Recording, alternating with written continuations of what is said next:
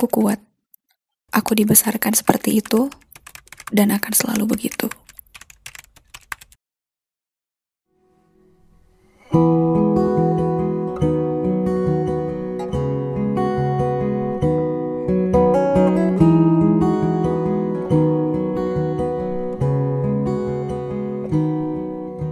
Tanggal 1 di bulan ini selalu menjadi patokan penutup yang membuka awal baru. Meskipun sebenarnya nggak tahu apakah bisa disebut baru karena ini hanya seperti sesuatu yang berulang. Tidak tahu berapa banyak perjumpaan dan perpisahan yang telah berjajar menunggu di depan. Tidak tahu berapa banyak keberhasilan dan kegagalan yang akan dihadapi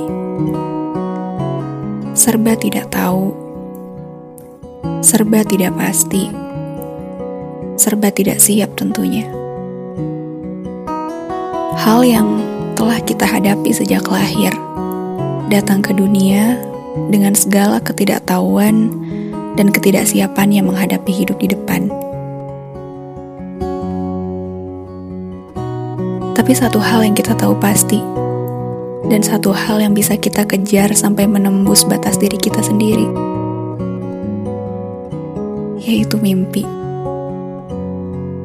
Katanya, meskipun gak bisa pergi jauh, tapi kita selalu bisa bermimpi.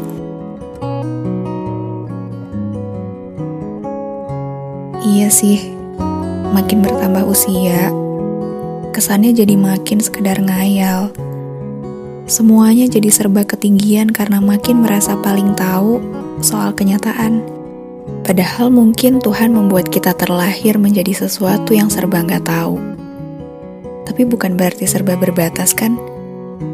Kadang saya mikir, yang membatasi kita nggak bisa ke mana-mana itu kenyataan atau malah diri kita sendiri.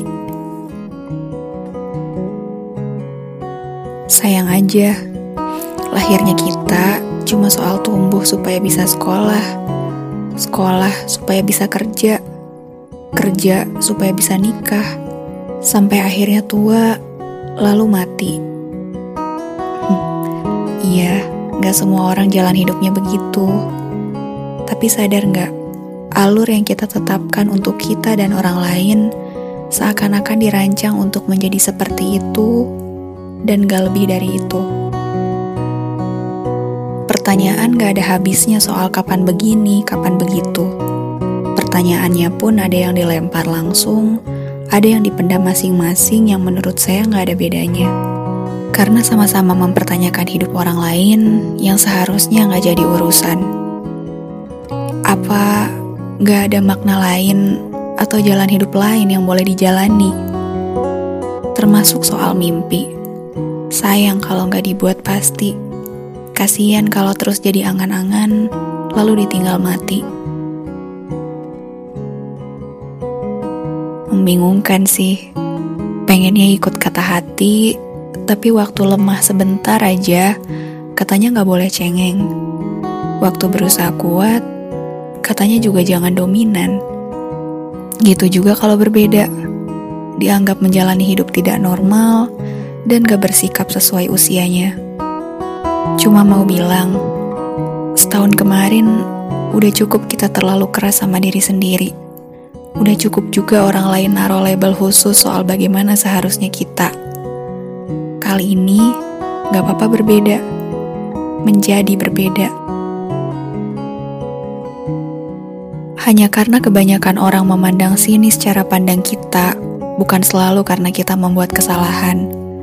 Kalau waktu, jalan hidup, atau garis takdir mesti serba sama? Kenapa kita diciptakan dengan rahim yang berbeda?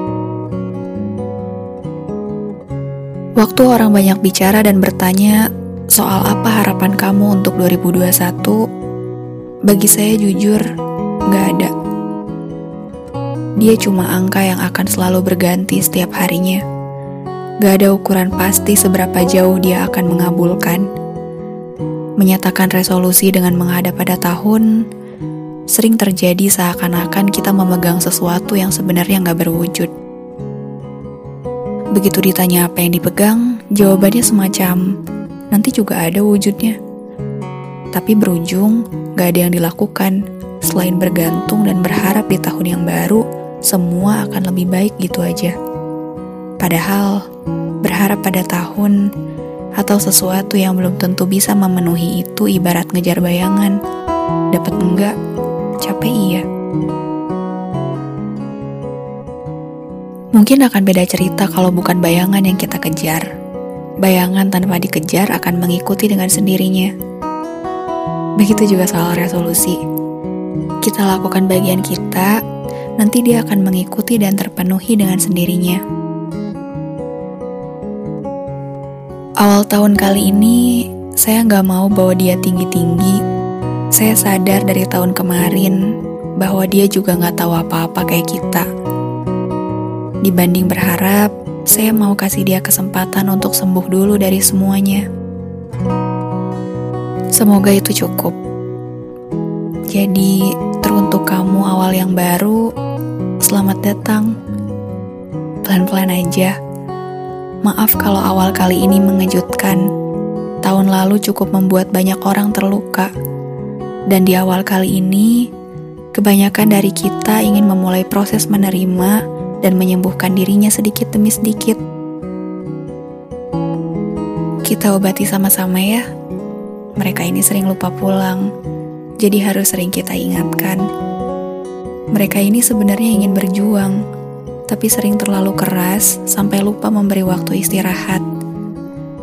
Ada pula yang sebenarnya kuat, namun terkadang menyerah sebelum mencoba.